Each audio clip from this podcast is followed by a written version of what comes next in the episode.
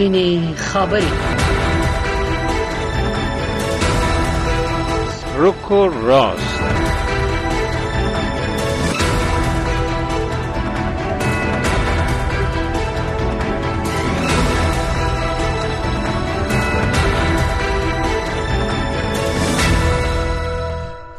شنونده عزیز سلام عرض می‌کنم. احد عزیزاده هستم. خوشحال هستم که بازم با همکارم آقای دوست در خدمت شما قرار داریم تا برنامه روک و راست تقدیم بکنیم.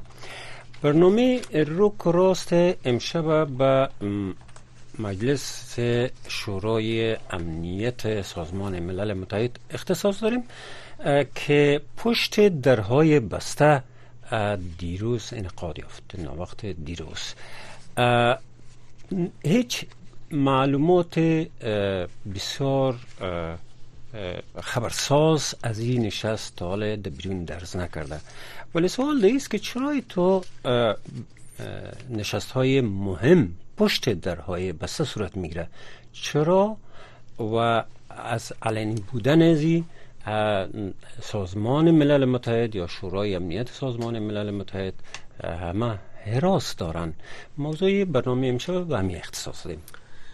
سلامونه او نیکی هیله. درنو دوستانو پروګرام ته په خیر راغلی. لکه څنګه چې ایزاده صاحب ورته اشاره وکړه په نننۍ خبرونه کې د ملګرو ملتونو د امنیت شورا د غونډې په اړه بحث کوو. لکه څنګه چې تاسو پوهیږئ ملګری ملتونه د دوه په غونډه کې ونه توانیدل چې د افغانستان لپاره ځانګړی استازی وټاکي. په همدې مجلس کې د ملګرو ملتونو منشي انټونیو ګوتيرش ویل چې دوی خپل مشورو ته په دې برخه کې ادامه ورکوي او د دې مشورو په لړ کې د دوشنبه پورې د امنیت شورا غونډه وکړه. د غونډه د بند دروازو تر شا وشوه او جزئیات نه دی راوتلي. اما د ملګرو ملتونو ویاند سټیفن دجارک خبريالانو ته ویلي دي چې دوی به د استازي د ټاکلو کارته دوام ورکوي او بل اخره به دوی یو نتیجې ته سره ورسیږي نو په دې خبرونه کې دوه قدرمن ملمانه د ځان سره لرو چې دوی به پم دې موضوع د مونږ سره بحث وکړي. اما اجازه صاحب که تاسو خو خوي مخکې لدینه چې ورشو بحث ته خبرونه باورو حتما. ویاند احمد الله چیوال. ملګری ملتونه ډاډ ورکوي چې هرڅه ژر به د افغانستان لپاره د دې سازمان نوې استازي وټاکل شي د ملګرو ملتونو د سرمنشي ویاند. سټيفن دوجاریک پرون رسنوي ته وویل که څه هم د دې پریکړې لپاره مشخص مهالويش نه دی ټاکل شوی. خو په خبره ایدا موضوع تر جدي څار لاندې د او کار پر روان دی. تمه و چې د امنیت شورا په پرونی غونډه کې د افغانستان لپاره د ملګرو ملتونو د نوي ځانګړي استازي د ټاکلو په اړه له بحثونو وروسته یو پریکړه وشي. خو ښکاری چې لا هم غړي هیوادونه په دې اړه بشپړه همغږي نه دي د ملګرو ملتونو د امنیت شورا څخه باندې دوه پر دریمه برخه غړیو له طالبانو غوښتي چې د خزو او جنو پر وړاندې لشپاګم ټولګي پورته د جنو پر زده کړو بندیز او د خزو د کار او آزاد تګ راتګ د حق په ګډون ټول ځپونکي او تبعیضي سیاستونه او فرمانونه لغوه کړي. په هغه اعلامیه کې چې د امنیت شورا بیګا د افغانستان په اړه د بندو دروازو تر شا لغونډې وروسته خبره کړې د امنیت شورا یو له غړیو اکوادور فرانسې ګیانا جاپان مالټا سیرالیون سلوینیا جنوبي کوریا سوئیس بریتانیې او متحده ایالاتونو یادونه کړې چې په افغانستان کې یوازې هغه وخت تلپاتې سوله ټینګېدې شي چې دا هیواد یو ټول شموله سیاست مخې ته یوسي او د خزو جنو په ګډون د ټولو افغانانو د بشري حقوقو ته درناوی وکړي د Ground Truth Solutions مرستندوی سازمان په یو راپور کې په افغانستان کې یوازې د 12 سلنه معلولینو بشري مرستو ته د لاسرسي خبر ورکړي یاد سازمان په خپل یو راپور کې ویلي چې په افغانستان کې د معلولیت لرونکو وګړو لپاره بشري مرستو ته لاسرسي ډیر ستونزمن دی. دغه راپور د 2023 کال د اگست او سپتمبر میاشتو ترمنځ د افغانستان په وو بیلابیلو ولایتونو کې لڅ باندې 2000 کسانو سره مرستو ته د لاسرسي په اړه د مرکو پر بنسټ چمتو شوی چې 309 تنه معلولیت لرونکي کسان دي. دغه نړیوال مرستندوی سازمان ویلي چې یوازې 12 سلنه معلولین بشري مرستو ته لاسرسي لري او یو شپږ سلنه بیا بشري مرستو ته هیڅ لاسرسي نه لري.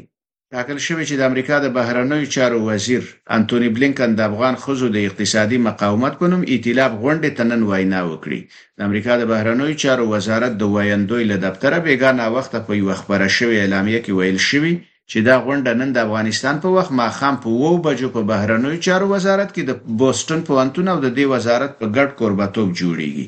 د اعلامیې لمخې دغه ائتلاف د غونډې ته د خصوصي سکتور مدني ټولنې پوهنتونونو او حکومتونو استازي بلل شوي. او دوی به دغه ائتلاف د نویو نوښتونو او دا چې هغه له نورو لوبغاړو شریکانو سره په څه ډول پرمخ وړل کېدای شي او ګډ هدفونه ترلاسه کېدای شي خبرې وکړي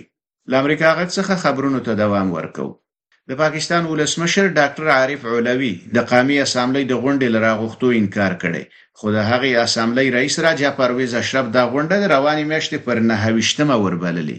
دا په داسې حال کې ده چې ولسمشر ډاکټر عارف علوي د فبرورۍ پر شپږ وشتمه د پارلماني چارو د وزارت سپارښتنه له لاسلیک کولو پرته ستانه کړې و یاد وزارت ولسمشر ته سپارښتنه کړې و چې د اتمې فبرورۍ په ټاکنو کې د منتخب شویو غړو د سوګند پورته کولو لپاره د قومي اسامبلی غونډه وروبلي د امریکا د متحده ایالاتونو ولسمشر جو بایدن وایي چې له حماس سره د برمته شویو یو شمېر کسانو د خلاصون هوکړه وشي اسرائیل به د روانې میاشتې په جریان کې په غزا کې جګړه بند کړي. په دې اړه مدیر راپور ته پام راګرځاو د امریکا متحده ایالات او اروپאי ټولنه حماس ډله یو ترګره ډله بولي د متحده ایالاتو مصر او قطر مذاکره کوونکي د یوې موافقه پر طرح کار کوي چې لمخې به حماس د یو شمېر فلسطینی بنديانو د خوشی کولو او د شپږ اونۍ لپاره د جګړې د درولو په بدل کې پلسګونو يرغمل سوي کسان خوشی کړي شافعي سردار امریکا جغ واشنگټن راپورونه وایي چې اسرائیل پرون د لبنان په ختیځ کې د بعلبک خر په شاوخوا کې پر دوو اهدافو هم مهاله هوایي بریدونه کړي. دوه امنیتي سرچینو له رويټرز خبري اژانس سره په خبرو کې دا خبر ورکړي د راپورونو لمخې د دې بریدونو موخه د حزب الله اړوند یو دوه پولیسه ودانۍ او د دې ډلې یو وسلتونو چې په ترڅ کې لکتر لګه د حزب الله دوه غړي وژل شوي. د غزې په تړانګ کې د جګړې لپیل وروسته په تیرو څلور میاشتو کې دا لومړی ځل دی چې اسرائیل په لبنان کې دننه اهداف پناه کوي د اوکرين پوځي چارواکي وایي چې نن سهار یې د روسیې له 14 بي پيلوټ الوتکو څخه یو لس وشتلي او راغورځولې دي. د اوکرين هوایي ځواک نن په یو بیان کې همدارز ویل چې د روسیې له شپږو کروستو غندوی څخه هم دوه لمنځه وړي. د اوکرين پوځ وایي چې دا بي پيلوټ الوتکې او توغندي د خارکیف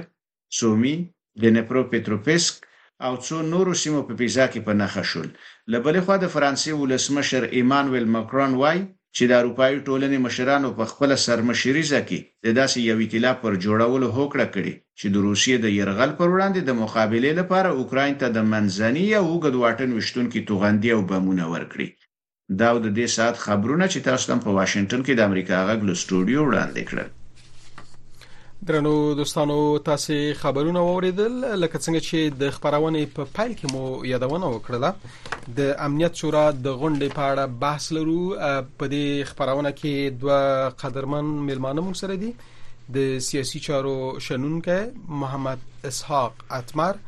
او په ژنیو کې د افغانستان د دایمي استازولۍ غړی محب الله طيب دوړو ملمنو ته خراغلاست وم جناب اتمر صاحب سلامونه. تاسو زمونږ غاوري بله دو صاحب تاسو ته جناب طيب صاحب ته ټول اوریدونکو ته سلامونه لیکل وعلیکم سلام. ډیر خراغلاست جناب اتمر صاحب. طيب صاحب تاسو زمونږ غاوري پروګرام ته په خیر راغلی سلام عرض ادب خدمت شما و مهمان گرامیتون شنوندگان محترمتان. بله مسعود شما رو دارم. دیر دیر زیاد ممنون ممنون از هر دو مهمان عزیز که با ما هستن و تشکر که دعوت ما را قبول کردین برای شرکت در برنامه. از جناب آقای طایب آغاز می‌کنیم. آیا شما به حیث یک دیپلمات و یک و نمایندگی که در ساز سازمان ملل متحد دارین. معلومات اضافه تر از ما کرده دارین؟ از چیزی که به مطبوعات گفته شده؟ در بخش اول امیر از شما بپرسم. سلام و عرض سلام مجدد خدمت شما و شنوندگان محترمتان. نشستی که دیروز شورای امنیت سازمان ملل متحد در مورد افغانستان برگزار کرد و سلسله نشست های قبلی امی ارگان سازمان ملل متحد در ارتباط به بیرون رفت از یک ددلاک که با حضور طالبان در سلطه که به هیچ نرم بین المللی احترام نمی‌گذارند و به همین ترتیب یک جاسازی نظریات یک تعداد از کشورهایی که تاثیر گذار هستند. مخصوصا پنج عضو دائمی شورای امنیت با وصفه که اختلافاتشان در مسائل مختلف دیگه هر روز بیشتر می‌شد. تا چند قبل در مورد افغانستان تقریبا نقاط مشابه زیاد داشتن که متاسفانه با گذشت زمان این نقاط مشابهشان هر روز کم رنگتر میشه و من حراسی را دارم که خدای نخواسته مسئله افغانستان یک بار دیگه امون صحنه رقابت های این کشورها در حال صحنه رقابت های کشورها شده است چند عوامل بله. چند عامل وجود داره. یک عامل اصلیش طالباست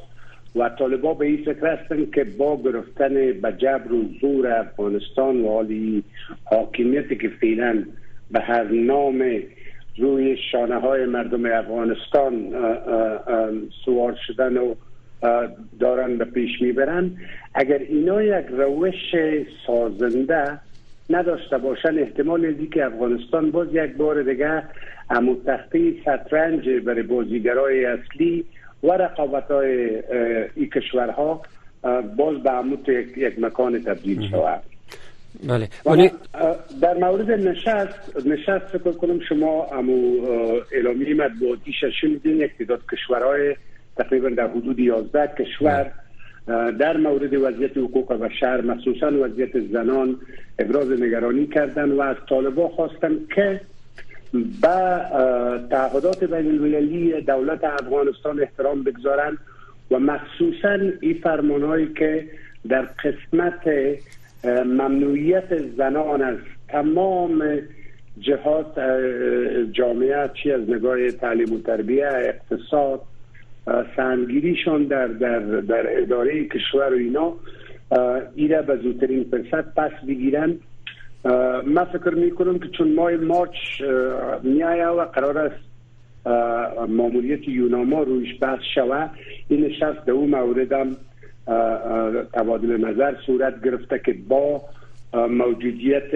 یک فرستاده ویژه برای افغانستان ما چطور معمولیت یوناما را بتانیم میبار به یک شکل که موثرتر باشه. فکر می‌کنم که جنبی سیاسیش کمی پایین تر میارن میبار چون اگر فرستاده ویژه می باشه دیگه بحث سیاسی را می‌تونه که فرستاده ویژه برکل سازمان ملل متحد ای به پیش ببره. یوناما در مسائل مثلا موضوع حقوق بشری و مسائل کمک های بشری و اینا بیشتر فعال خواهد شد. ډیره زیاته مننه طیب صاحب. اتمر صاحب د سې ګومان کېدل چې د ځانګړي استازي د ټاکلو سره طالبان مخالفت لري. اما که تاسو د امنیت شورا دغه جوړښت وګورئ او د دوی ترمنځ دغه اختلافات وګورئ نو لورای ښکاری چې د نړیوال ټولنې په سطح هم هماهنګي نشته. مثلا که د روسیې د ریزونی سو او هغه وسیړو نو ګورو چې روسیا کاملا د طالبانو په طرف ولاړه ده او هر هغه چې طالبان ترې نه وغواړي دغه مجالسو کې هغه کوي لکه چې په اعلامیه کې په څرګند توګه توګه لیکلیو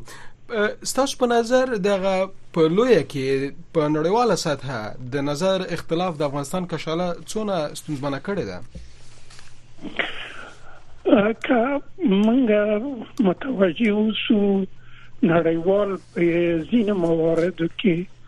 متفق نظر دي بیا په ځینې مواردو کې دوی اختلافات لري په تور د مثال د بشر د حقوقو په برخه کې ټول متحد نظر دي. مثلا د خزو د تعلیم په برخه کې ټول متحد نظر دي. په افغانستان کې د یو قانوني حکومت رامنځته کېدل دا ټول په دې باندې معتقد دي. لیکن یو شی چې هغه دوی سره بیلې هغه رقابتونه دي. مثلا اوس وخت کې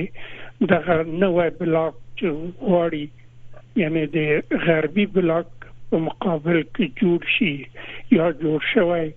دوی په دغه رقابتونو کې هغه منطقوي مسائل د ابزار په توګه کاروي. لکه اوس د افغانستان په قضیه کې سره د دې نه چې شاید روسیا څو ځلې دا خبره کړې چې افغانستان کې یو فراگیر حکومت راشي. د افغانستان حکومت بعد د سیاسي حکومت چې قانون لري او په هغه کې ټول افغانان خپل حق او حقوق پیژني دغه خبره چینم کوي چې افغانستان کې باید فرادي حکومت جوړ شي. د ترهګرۍ د اندېښنې مسله ده چې روس او چین په دې باندې باور لري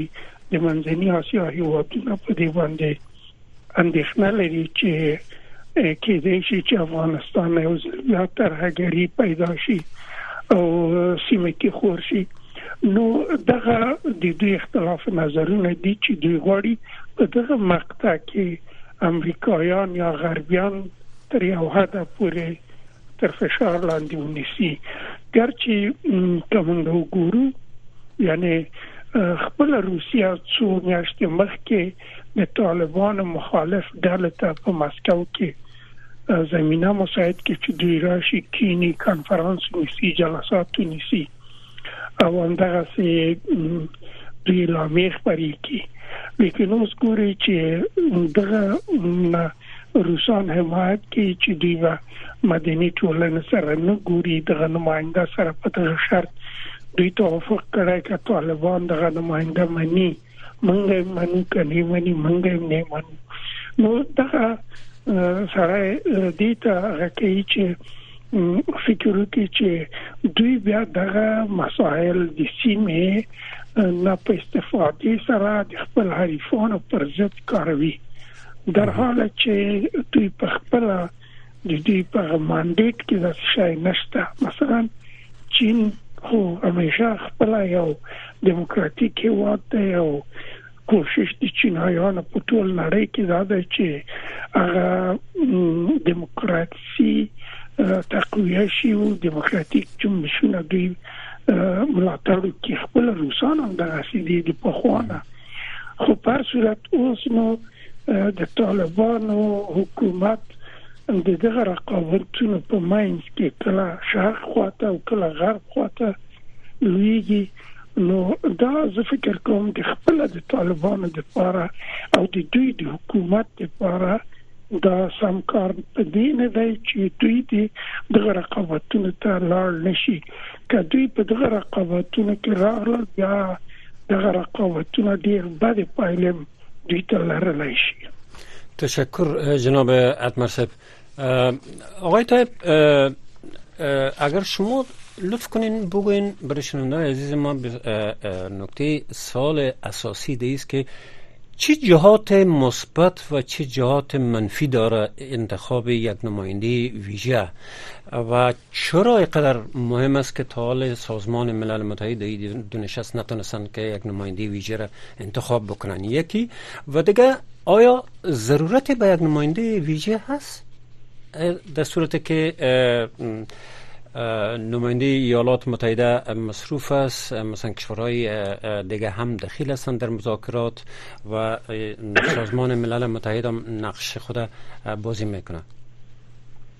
اگر اجازه بتین من از قسمت آخر سوال شما با جواب بپردازم که بله ضرورت است. منشور سازمان ملل متحد به سرمنشی سازمان ملل متحد بعض وظایف را سپرده که اگر در بعض کشورها یا نقاط جهان مسائل که مثل این روز در افغانستان بعد از آگوست 2021 پیدا میشه یا یک گروه خشن مثل طالب که به هر ترتیبی قدرت در این جغرافیا در دست می‌گیره و بدون که یک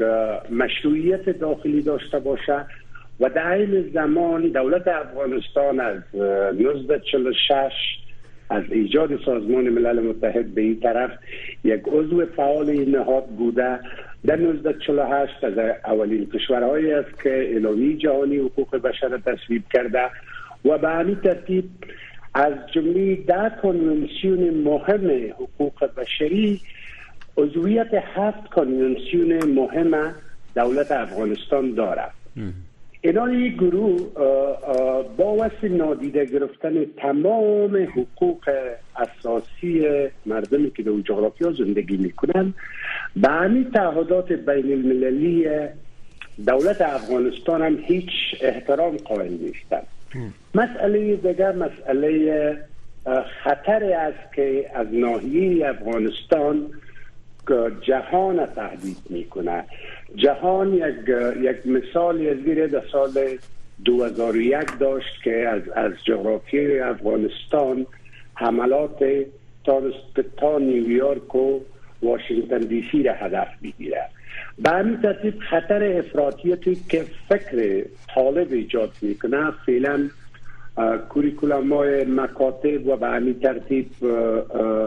مدرسه سازی های اینا باعث از این میشه که در پنج سال آینده افغانستان پوتنشل بسیار زیاد برای صدور این فکر افراطی به اطراف خود داشته باشد.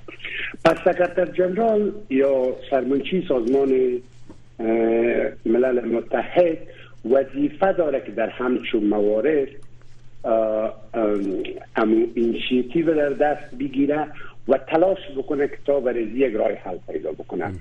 قسم که این تلاش در شورای امنیت سازمان ملل متحد از مارچ 2022 شروع شد و بالاخره سکرتری سرمنشی سازمان ملل متحد دید که یوناما قادر نیست امو mandate سیاسیش به صورت درست در افغانستان پیش ببره و ارزیابی عمومی که توسط سفیر سلوبی صورت گرفت و گزارشش به شورای امنیت رفت توصیه هایی که در این ارزیابی آمده یکی از خواستاش دو خواست بسیار مهم است که یکیش این موضوع تعیین یک فرستاده ویژه برای که بتانیم افغانستان قانونمند بسازیم. که قانونمندسازی افغانستان چند موضوع داره؟ مثلا جناهای سیاسی افغانستان زمینی دیالوگشان فراهم شود و اینا سر یک سیستم حکومت داری که بتانه به اصل امروز سازگار باشه به توافق برسد. مسئله دوم مسئله یک contact group است که فکر می‌کنم بیشترین اختلاف نظرم روی اینمی میکنیزم است چون تعدادی از کشورهای مثل روسیه چین ایران اینا می‌خواهند که این گروپ این گروپ تماس منطقوی باشه. در حالی که کشورهای غربی نظرشان نیست که نیمایی را با وسیتر بسازن اما در این زمان کشورهای منطقه یا کشورهای همسایه افغانستان هم می‌تونن که به این میکانیزم با یک گروپ کوچکتر شامل باشند اینال هم ضرورت برای برای وضعیت فیلی افغانستان ایجابی زیره می‌کنه و هم مفادش برای از که ای بنبست شکستانده شود خیلی زیاد است و من امیدوار هستم که تعیین یک کسی که تمام بافتا و مسائل افغانستان خوبتر میفهمه. کمک کنه به وضعیت که ما از این وضعیت مردم ما از این وضعیت که فعلا دارن بیرون هست ډیره مننه کوم. جناب اتمر صاحب طيب صاحب یو نړیوالو ژمنو ته اشاره وکړه او دا خبره وکړه چې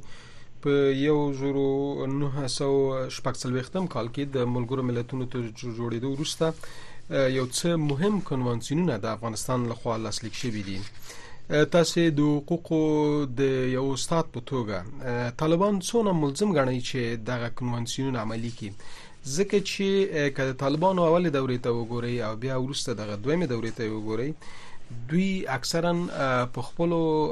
هغه پالیسیو باندې متکی دي چې په خپل جوړي او په خپل تطبیقي نړیوالو کنوانسیونونو ته د نجمن نخ کاری او که ښکاریدل هم نو دوی تر اوسه پورې پټاګه کړی نه دي آیا کولای شو چې طالبان په دې برخه کې حساب دی وګرځوي چې ولې کنوانسیون نه تطبیقي ګورې کله چې په 1930 کال کې افغانستان دغه کنونسیون لاسلیک تر اخره پورې په باندې پایبند پات شو هغه ته احترام کوو تر کوم حکومت پورې بخنه غواړم بخنه غواړم جناب اتمر صاحب کده سی وکي چې دغه تشریح کوي ځکه چې د کنونسیون تر لاسلیک وروسته افغانستان کې بیل بیل رژیمونه راغلل. خلق پرچم راغی ورپسې بیا مجاهدین راغلل بیا ورپسې طالبان راغلل بیا جمهوریت راغی بیا طالبان راغلل. اوس د کنونسیون په دغه حکومتونو کې څنګه تطبیق کېدل مهرباني صاحب؟ ګوري دا خو په مختلف وختونو کې په مختلفو شکلو. مثلا د ظاهر شاه د وخت نه نیول تر داوود خان تر اخره پورې. دغه په مکمله توګه هم د افغانستان د خوانه مراد کېدل هم نړیوال دغه سټیج او اعتبار خپل افغانانو ته ورکړیو دغه نو ورسته کله چې حزب دیموکراتیک واکمن شو دلته نړیوال په ډلو باندې وویشل خیاطي دا دغه هیوادونه چې د شوروي اتحاد د سیاستونو سره موافق دوی بیل شول دغه او مرګر ملتونو کې یعنی په ځینو وختونو کې اته افغانستان دوی د دوی موافقات سره توافق نامو سره یا پریکړه سره په اصطلاح مخالفت کول چې وسی طالبان کوي نو دغه نو ورسته بیا کله چې د مجاهدین وخت راغی د مجاهدین وخت هم دغه سی چاوي هیڅ هغه تعهد متحد نو صرف خپل تصمیم خپل وای تصمیم نیو دغه نو د طالبانو لمړی دوره هغه مغاسب تیر شو بیا د جمهوریت په وخت کې افغانستان نماینده درلود تر اوسه پورې د نمائندګي افغانستان هغه خواني حکومت سره پاتې دی او دغه پریکړه ته افغانستان متحد او دغه پر بنسټ باندې افغانستان سره کومک وشو. کله چې مونږ وایي چې نړیوال افغانستان ته راغله دا هم د امنیت شورا د پریکړې پر اساس چې امریکا هغه بیلګه وګڼله او دغه پر بنیاد باندې د افغانستان ته تروریزم د تکول په خاطر دی راغله اوس چې بیرته طالبان واکمن شوي دي چې طالبان یو ایدئولوژیک ډله ده دوی اصلا د شیانو ته اعتبار هم نه ورکي او په دې باندې معتقد هم نه دي دوی سره دا فکر دی چې زمونږ وظیفه جهاد مونږ تر هغه پورې جهاد کو چې نړۍ کې یو کفر هم یو نفر کافر هم پاتې. او دوی دغه ادعا لري. په دغه ادعا کې هغه کوم پروتوکولونه توافقات پریکړې فیصله چې هر ځکه شوی دي چې د سره په ټاکر کې چې د سره مخالفي طالبان یا هر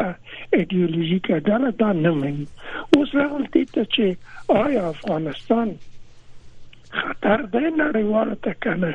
زه د فکر کوم چې نړیوال په دغه برخه کې اندېښنه لري. او اندېښنه یو خو په خوانې تجربه ده چې همدغه کسانو همدغه سیاسيونو چې امریکا باندې بریټ شو دا چې هغه څه شکل په هغه باندې بحث نه کوي لیکن نړۍ اوس اته د سیمې ودونه هم منځنی اسیا هیوادونه دي ایران دی پاکستان دی روسیا چین دوی همیشه چې کله جلسې دایري دا یو برخه ده چې افغانستان کې ترهګر د لشتون لري احتمال د سلري چې کله دوی بیا په ځینې بریټونو باندې لاس پوري کی او مثال وای وای افغانستان لکه ساتي بام غونډه ده د دې وخت معلوم نه دی خو هر وخت چې دا انفجار کې دا کولای شي چې هر سیمه هر هوات نام کی او مشکل ورته جوړ کی. اوس چې ملګری ملتونه او مخصوص د امنیت شورا دا خبره کوي چې یو خود تماس د لیبات ته جوړ شي پر دا چې نماینده دي ته وټاکل دا په دې معنی نه دی چې دوی د طالبانو حکومت سختول غواړي. دا په دې معنی ده چې طالبان په نړیوال غکه ستیج کې دوی متغم کې د یعنی امکانات دوی ته ورکړل شي چې دوی سره په مستقیمه توګه راکړه ورکړه وشي او دوی دې ته واڅول شي چې یو کومکونه چې راځي بل افغانستان باید دغه سیوات نه چې هغه ترهګری خور کی بل په افغانستان کې باید دغه حکومت چې د قانون لري. یعنی قانون پر بنا باندې حکومت دلته راشي. بل دا چې دغه حکومت چې ټول افغانان په هغه کې دا هغه ستونزې دي هغه تشویشونه اندېښې دي چې نړیوال او د سیمې هوادونه دا لري. دغه اندېښنې هم څنګه هم هم لري. بار بار موږ د دوی نو ورېدلې دي. چین هم لري روسیه هم لري ایران هم لري پاکستان لري خو پر صورت اوس ویل دا نه دا چې طالبان په مغه خبره چې دوی د اول ورځ نه کړی تر دې نه لپاره په دې ټینګ ولاړ شي او چې ته دوی بلې ونه وای ارشه دوی نافیه کی دا نو نړیوالو لپاره د نه منلو خبره ده چې بیا کېدای شي دوی نور راتلونکي کې نور قاطع تصمیمونه د دین هم ونیسي او دا بیا یو تقابل ته زمينه مساعدي چې دا د افغانستان په ګټه ده او نه د نړیوال په ګټه. ممنون ممنون اتمر صاحب. جناب طایب صاحب جناب اتمر صاحب از نگرانی جهانی یاد کردن و شما هم در ازارات پیشترتان از موجودیت یونما که نتونسته مضایف خود به طور اساسی اگر درست یادداشت کرده باشم اجرا بکنه. ای در یکی از مصاحبه وقت آقای اتمر هم تذکر دادن که اگر یک نماینده دیگه انتخاب میشه و او صلاحیت اجرایوی بیشتری می داشته باشه ای ترس را و نگرانی های را برای طالبا ایجاد کرده برای که صلاحیت اجرایی داشته باشه. آیا ممکن است که این نماینده فرض کنیم که اگر نماینده مشخصی انتخاب شود و صلاحیت های اجرایی داشته باشه چی می‌تونه سر طالبا بکنه؟ من قبلا عرض کردم خدمت شما که موضوع افغانستان بعد از اینکه طالبا در 15 آگوست 2021 تسلط پیدا کرد اولین بار در شورای امنیت سازمان ملل متحد در مارچ 2022 بحث شد و یک قطعنامه تصویب شد که امی فقری سیوم این قطعنامه در پهلوی هماهنگی کمک های بشر دوستانه هماهنگی دونرها زمین سازی و همکاری در قسمت برگزاری گفتمان میان تمام بازیگران سیاسی افغانستان منطقه جامعه جهانی با تمرکز روی تعهدات بین المللی دولت افغانستان ایجاد یک سیستم حکومتداری همه شمول اشتراکی مردمی و پاسخگو در سطح ملی و پایینتر از آن بدون هیچ نوع تبعیض جنسیتی مذهبی قومی و با اشتراک مساوی و معنادار زنان اقلیت ها یک بخش این اولین قطعنامی بود که یوناما را امی ماهیت ماموریت در افغانستان تغییر داد. از اینا خواسته شد که قبلا که دولت افغانستان در قسمت حکومتداری همکاری تکنیکی می‌کرده حالا چون یک نظام یک حکومت به رسمیت شناخته اونجا نیست تو وظیفه دینی موارد است.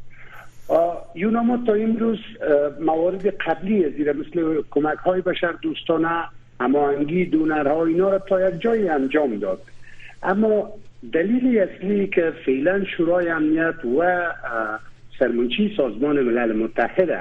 وادار به این کردن که یک گام فراتر بگذارن و یک نماینده ویژه تعیین شود.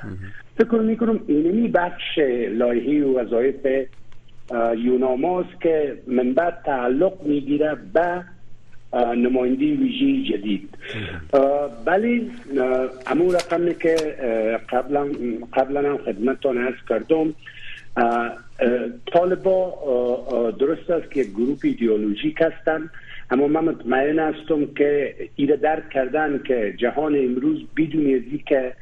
در داخل سیستم باشی و با سایر بازیگرای دیگه مراوده داشته باشی تو نمی‌تونی که به تنهایی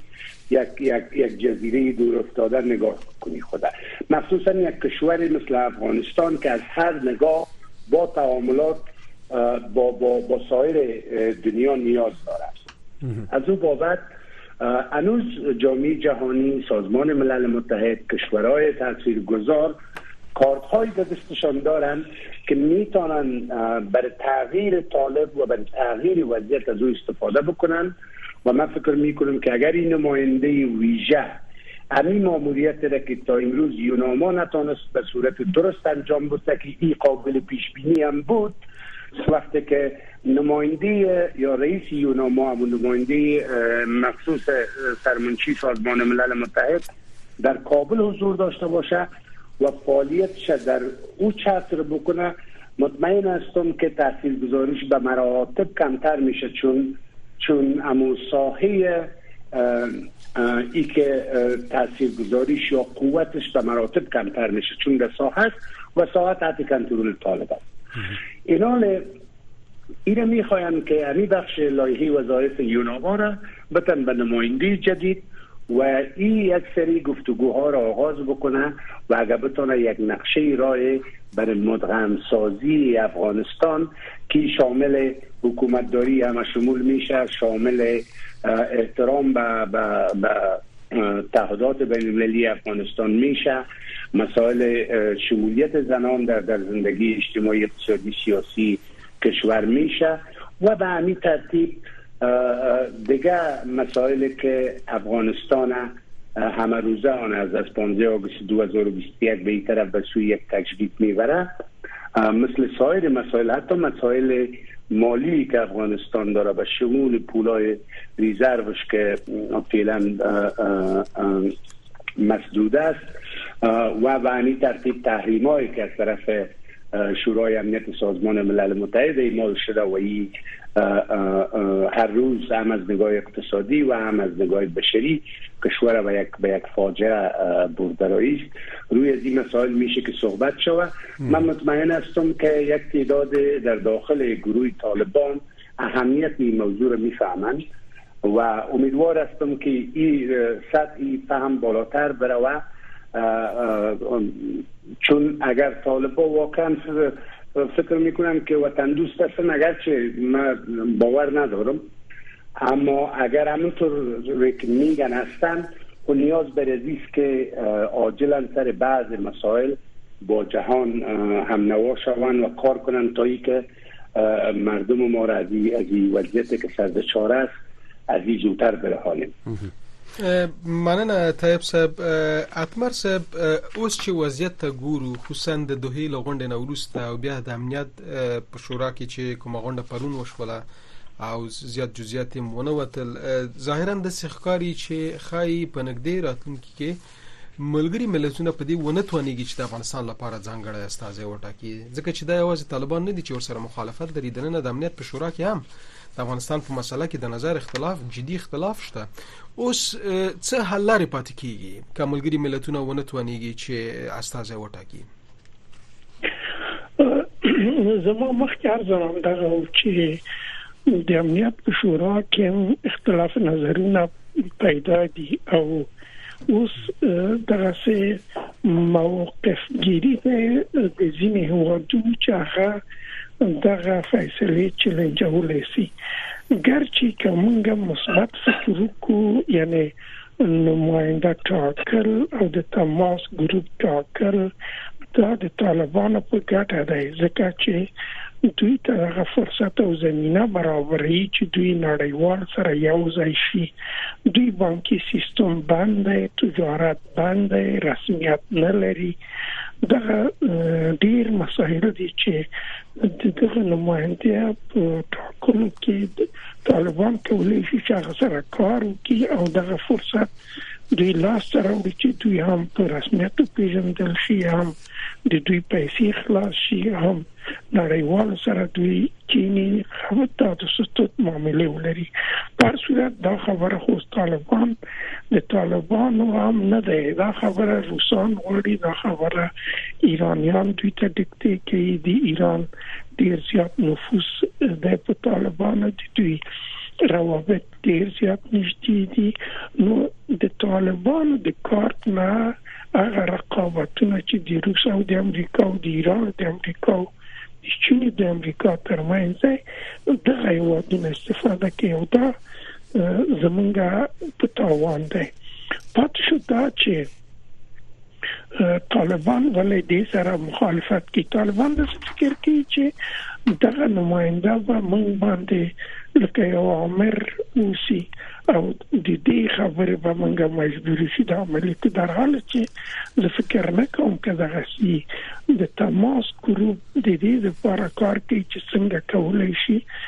دغه ستونزې طالبان سره حل کی د تماس ډلې کې د شي د هغه هواتونه نه چې د افغانستان دوستي هواتونه یا د افغانستان ګاونډي هواتونه سره د نور هواتونه چې اروپایي امریکایي هواتونه پر صورت اوس دا یو سوی تفاهم کې طالبان ژوند کوي چې زه فکر کوم دا به دوی خپل فکر ته تغییر ورکړي او دغه واقعیتونه ومني نو که دغه نماینده په اوس وخت کې خو ګوتریس دا خبره وکړه چې د نمائندې ټاکل د سزر امکان نه لري مزبا نور هیوادونو سره په خبرو اترو کې او د دوی نظریات به ځاخلم زه د سیمې د هیوادونو سره په خبرو اترو کې یعنی مالا دا چې دا یو لوی مشوره وکړي خپل ملګرو ملتونو سره منشي پس له دغه مشورو چې دی مثلا امکان لري روسي سره ولري چین سره ولري اروپאי واتونه سره ولري او نور د طالبان دوست واتونه سره ولري. بیا پس له دا نماینده تعیین کی او کله یو جنجالي دا نماینده دوی نه ټاکي نور لارې چارې به ولټوي چې نور لارې چارې مثلا اتمر صاحب مثلا که تاسې د روزا اوتنبایووا title او یا هغه مقام ته وګورئ اکثرا په خارجي لفظ ورته SRSG وایي. SRSG یعنی د ملګرو ملتونو د عمومي منشي خاصه استازې روزا اوتنبایووا کله چې روزا اوتنبایو په کابل کې تشریف لري او title هم دا دی چې د ملګرو ملتونو د عمومي منشي ځانګړي استازې ده د بل کس د راوړلو اړتیا څه پوره کیږي؟ او که فکر کیږي چې روزا اوتنبایو ډیره مصروفه ده او په خپل چارو کې زیات مصروفیت لري او نشي کولای چې بهرني سفرونه وکړي نو کولای شي چې یو مرستيال دوه مرستيالان ورته وټاکي. په خپل روزا اوتنبایو واته د مسولیت ورکړ شي. او یا بل کس ته چې د SRSG او یا د یوناما د مشر یا د مشر په توګه راځي دغه دند د پرمخ بوزي. د دې په ځای چې دوی یو نوې کس معرفي کوي او دغه نوې کس په وړاندې حساسیتونه هم شته. ګور یو خو رضایتن بیات د ملګرو ملتو د سرګونشي ماوینو یعنی لکه چې تاسو ویل د ډیر په لوړه کچه په ملګرو ملتو کې وظیفه درلوده د یوناما مسولیتونه دا نه دي چې سیاسي بحثونه سیاسي گفتمان په لار واچي یوناما نهاد سازي د حکومتونو د دولتونو لکه د ازادي بیان د حقوق بشر د بشري مرستو د حکومتداري حکومت کې مثلا نور دا سه مسایل چې رامنځته کیږي لکه انتخابات او دا خبرې دي کې د یوناما مسولیت دی. پات شو دا مسله چې دا یو سیاسي بحث او جریان وی دا یو خاص نفر ته ضرورت لري لکه چې خپل کډیر ساده مثال تاسو لکه خلیلزاد چې د امریکا نماینده او خلیلزاد د طالبانو د امریکا ترمنځ دغه ماموریت درلود. اوس چې لکه ټام وست لري. یعنی دا اوس نماینده په دې معنی دی چې دا به هم د افغانستان د طالبانو د حکومت سره ګوري هم د دوی د مخالفینو سره ګوري. دا یوازې سټیشن ماموریت نه دی. د دې سفر بسیم کې روسي ته سفر کې چین ته سفر کې ایران ته سفر کې پاکستان ته سفر کې هند ته سفر کې اروپا ته سفر کې نو دا یو لوی کار دی چې وطن بایوا دا د دغه مسؤلیتونو سره سره دا نور یو بل مسؤلیت یو بل مسؤلیت دی. نشي عملي کولای نو ځکه ملګری ملتونه په دې فکر کې شو چې یو نماینده وټاکي چې دغه نماینده هم با صلاحیت وي هم د خبرو اترو دغه د نیګوسیشن مهارت لري دا خو ارڅو دا کار نشي کولای یعنی روزا او تنبا اگر چې خپل صدر اعظم تیر شوی یعنی په سیاسي مسایلو کې ډیر وارد دی ما د دې مجلس د نشټین مخامخ سره کړی او ډیر په خزه ده لیکن دغه ماموریت د یو ماموریت دی چې مسؤلیت ډیر دی او دا باید نیګوشیټر وي. چې ډیر دغه د خبرو اترو په برخه کې یو ماهر سره وي. یعنی برازي ماموریت ساخته نشه چې دغه ماموریت چې اوس ملګری ملتونه وایي دا د سنریل غلو د سفارش پر اساس د د خپل ملګری ملتونو د تصمیم نه لري. یا نه دی درلودل خو کله چې سنریل غلو د خپل گزارش ټول کې د سفارو کوشپک مشت افغانستان ته تاګ راته دغه پیشنهاد ملګری ملتونو ته دا و چې یو نماینده وته ټاکل شي چې دغه اوسنی بحران لپاره د پایو ټکی کې د افغانان سره یو ټکی یو دغه مشکل حل شي. یعنی یک مقدار کارهای یونما را از او بنازن طایب صاحب حدود پنج دقیقه از برنامه ما وقت مانن ما اعضای جامعه مدنی و رهبران از رهبرا و از دیگه کسای دیگه که در مورد نشست دوها نظر دادن بسیار راضی نیستن. میگن نشست قبلی که در دوها دایر شد ناکام بوده نتونسته به اهداف خود برسه. برزی که در وقتی که طرف اصلی قضیه در اوجا نباشه شما بحث می‌کنین سر یک موضوعی که با طرف اصلی هم باید مذاکره صورت بگیره. شما به حیث نمایندگی دائمی افغانستان که فعلا هستین در ارتباطات مستقیم دیپلماتیک قرار دارین با سازمان ملل متحد چقدر چانس موفقیت برای تعیین یک نماینده با صلاحیت می‌بینین. چانس صد فیصد می‌بینم این نماینده تعیین میشه در طالبا بخواه نهایت چون طالبا اما قسمی که گفتم از نگاه خیلی از کشورها او اما ماهیت تعهدات دولت افغانستان از نظام بین المللی نمی‌تونن به بیارن و از این نگاه اکثریت به این فکر هستند که آنچه که در افغانستان فعلا اتفاق میفته و موجود است مشکل است. یک مشکل است و برای باید یک راه حل پیدا شود. طالبا طبعا در مراودای دو جانبیشن باید تعداد از کشورها مثل که آل مسئله امی نرفتنشان به دوها اینطور نیست که زیاد از از نفهمیشان باشه. من مطمئن هستم که یک تعداد از کشورها با اینا در در نشست های دو جانبه به شکل متفاوتتر گپ می‌زنن. و این باعث از این میشه که طالبا باز مثلا جرأت میره بگیره که در پهلوی که کمک بشر دوستانه طلب می‌کنه.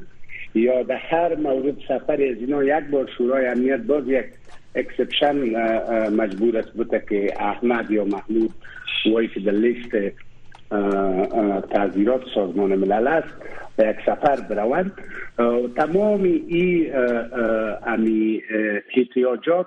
و ضروریاتشان نادیده گرفته پشت پا بزنند.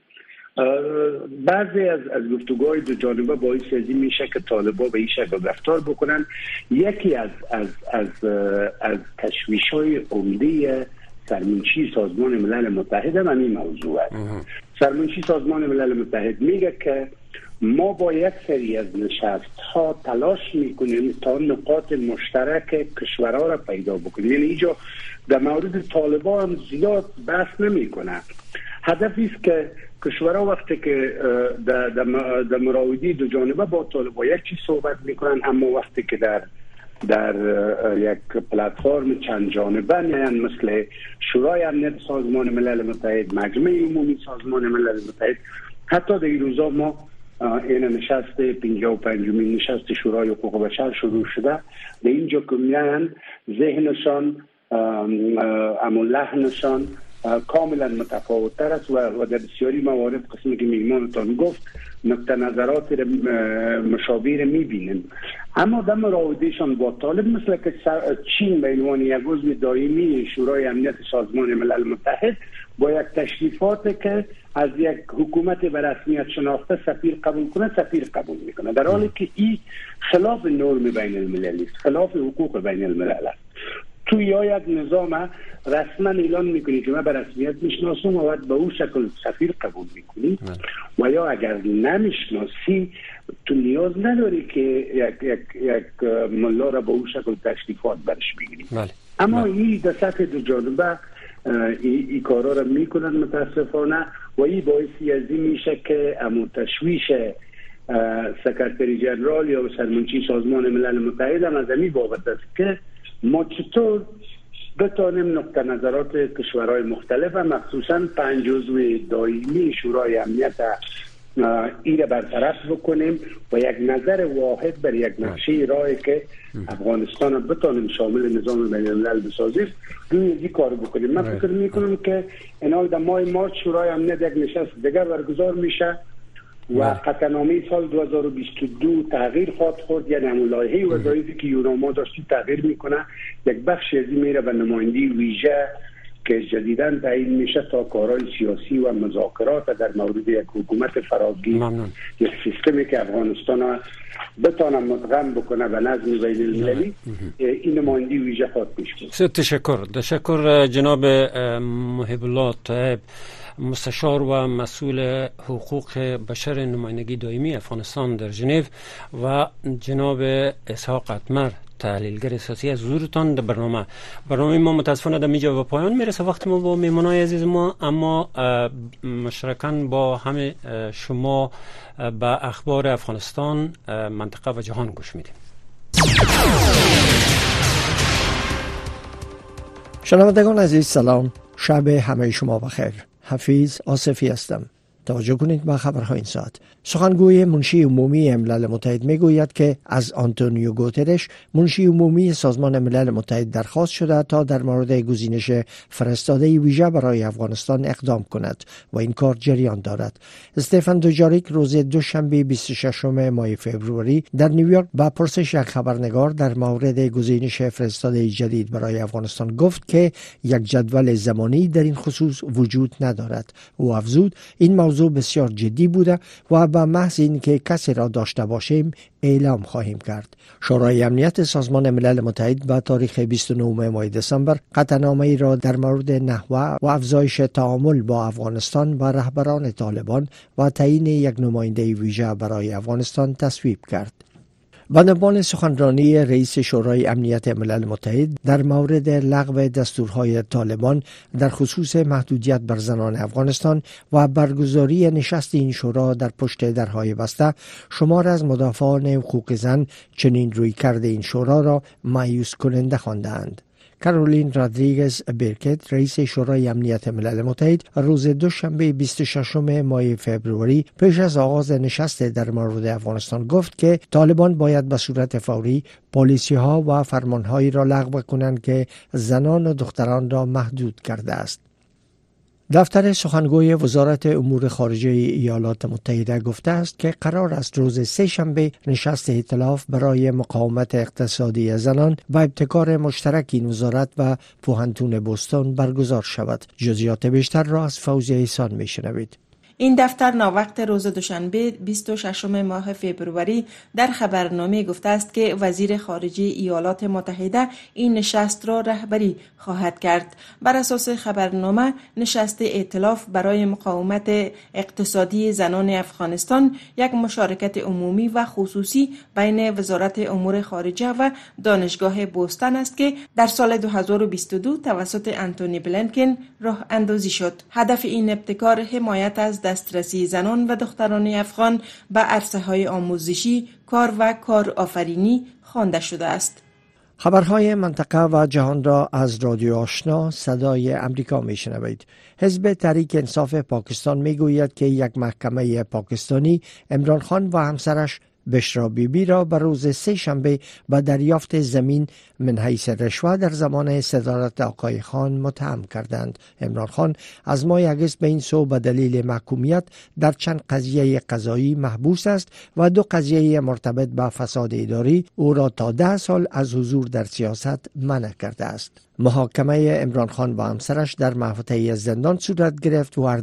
این اتهامات را رد کردند. حزب تحریک انصاف ضمن محکوم کردن این محاکمه گفته است محاکمه هایی که پشت درهای زندان صورت می گیرد راه را برای تخلف از عدالت باز می کند جو بایدن رئیس جمهور ایالات متحده گفته است که اسرائیل مایل است که جنگ در غزه را در ماه رمضان متوقف سازد در صورتی که توافق برای رهایی تعداد گروگانان از جنگ گروه تندرو حماس حاصل شود. حماس توسط ایالات متحده و اتحادیه اروپا به عنوان یک سازمان تروریستی شناخته می شود مذاکره کنندگان از امریکا، مصر و قطر سرگرم کار بر سر چارچوب یک معامله هستند که بر اساس آن حماس تعداد از دهها گروگان را که در اختیار دارد در بدل تبادله زندانیان فلسطینی رها سازد و برای شش هفته جنگ متوقف گردد.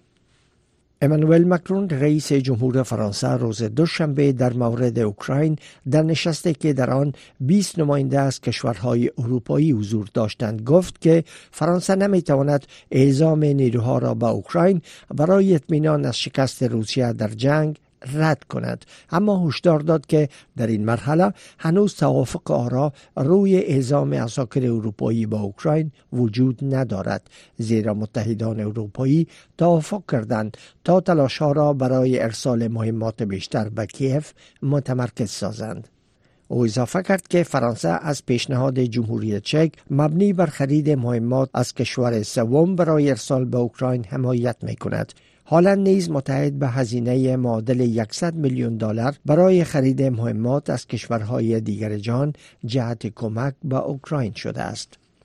مطبوعات کوریای جنوبی روز سه شنبه به نقل از وزارت دفاع آن کشور گزارش داد که کوریای شمالی حدود 6700 کانتینر حامل مهمات نظامی را بر روسیه برای حمایت از جنگ علیه اوکراین ارسال کرده است. در یک کنفرانس مطبوعاتی بر روز دوشنبه شین وونسک وزیر دفاع کوریای جنوبی گفت که این کانتینرها ممکن حامل بیش از 3000 سرگلوله توپ یا گلوله های 122 میلیمتری بوده باشد باشد و اضافه کرد که صدها کارخانه تولید مهمات در کوریای شمالی به دلیل کمبود برق و مواد خام فقط تا سی درصد ظرفیت خود کار می کنند ولی کارخانه هایی که مهمات را برای روسیه تولید می کنند با تمام ظرفیت کار می کنند. این در حالی است که به اساس گزارش ها مسکو به کوریای شمالی کمک های فنی می کند و پیونگیانگ همچنان از روسیه خواهان کمک در عرصه دریافت تیاره ها و تکنولوژی تجهیزات نظامی زمینی شده است. پارلمان هنگری روز دوشنبه لایحه پیوستن سویدن را به ناتو تصویب کرد. با این اقدام راه یکجا شدن این کشور شمال اروپا به ناتو در حالی که جنگ در اوکراین ادامه دارد باز می شود هنگری آخرین کشور عضو ناتو است که عضویت سویدن را در این پیمان بعد از چندین ماه تعلل و تردید میپذیرد. و نریندرا مودی صدر هند روز دوشنبه فضانوردان را که بخش از مأموریت فضایی جا طلبانه هند به نام گاگانیان خواهند بود معرفی کرد. این مأموریت روی هدف انکشاف کپسول محل زندگی انسان است که سه فضانورد را به مدار زمین برای سه روز با خود حمل خواهد کرد. با این اخبار تا این ساعت از رادیو آشنا. صدای امریکا. شنونده عزیز بسیار تشکر. ممنون از شما که شنونده ما بودین و هم تماشاچی ما یا مشاهده کننده ما از طریق ماهواره صدای امریکا. برنامه ما به همینجا به پایان می‌رسه. البته رو کراست برنامه رادیو آشنا صدای امریکا ادامه داره در